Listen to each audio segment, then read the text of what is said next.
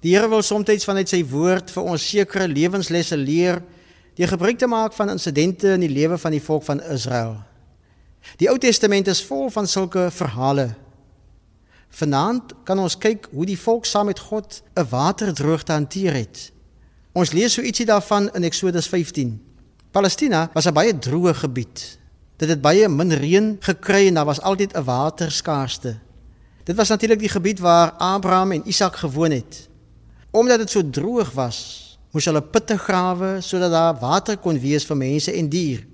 Dit was baie harde werk om so 'n put te grawe en skoon water daaruit te laat kom. Vir dit om te gebeur, moes jy dus baie diep grawe. Jy moes die regte gereedskap gehad het en ek kan my net indink dat dit miskien daar moes geneem het om uiteindelik by die water uit te kom.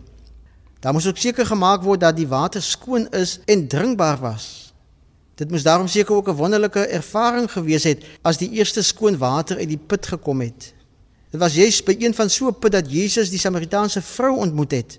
Sy sê vir die Here dit wat ons vermoed. U het nie eers 'n skepding nie en die put is diep. Maar dan lees ons verder hierdie ontstellende gebeure dat van hierdie putte hierdie Filistyne weer met sand en klip toegegooi was omdat hulle jaloers was op die Israeliete. So het die putte weer opgedroog en daar kom weer swaar kry en 'n waterskaarste. Isak moet dan weer 'n plan maak. Dit is in so 'n tyd dat die Here vir Isak sê: Moenie bang wees nie. Ek sal vir jou sorg. Dit is Isak wat weer later kom en twee van die ou putte opgrawe sodat daar weer water uitkom. God bring weer vir Isak en sy mense hoop in 'n tyd van droogte. Hy laat weer skoon water uit die putte kom. Vriende, soms ervaar ons figuurlik gesproke ook so droogte in ons eie lewens toegegooide putte wat ons moedeloos, uitgeput en dors maak. Ons begin dan soek na water, na uitkoms, na 'n beter môre, na oop put.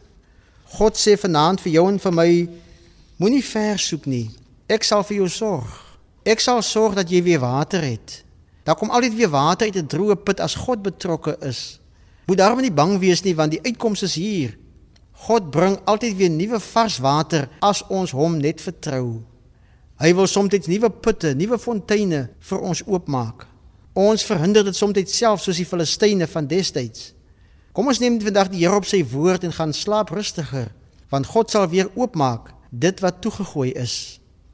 Liewe Here, dankie dat ons in hierdie aand U opnuut op U woord kan neem, dat U vir ons môre weer nuwe geleenthede sal skep.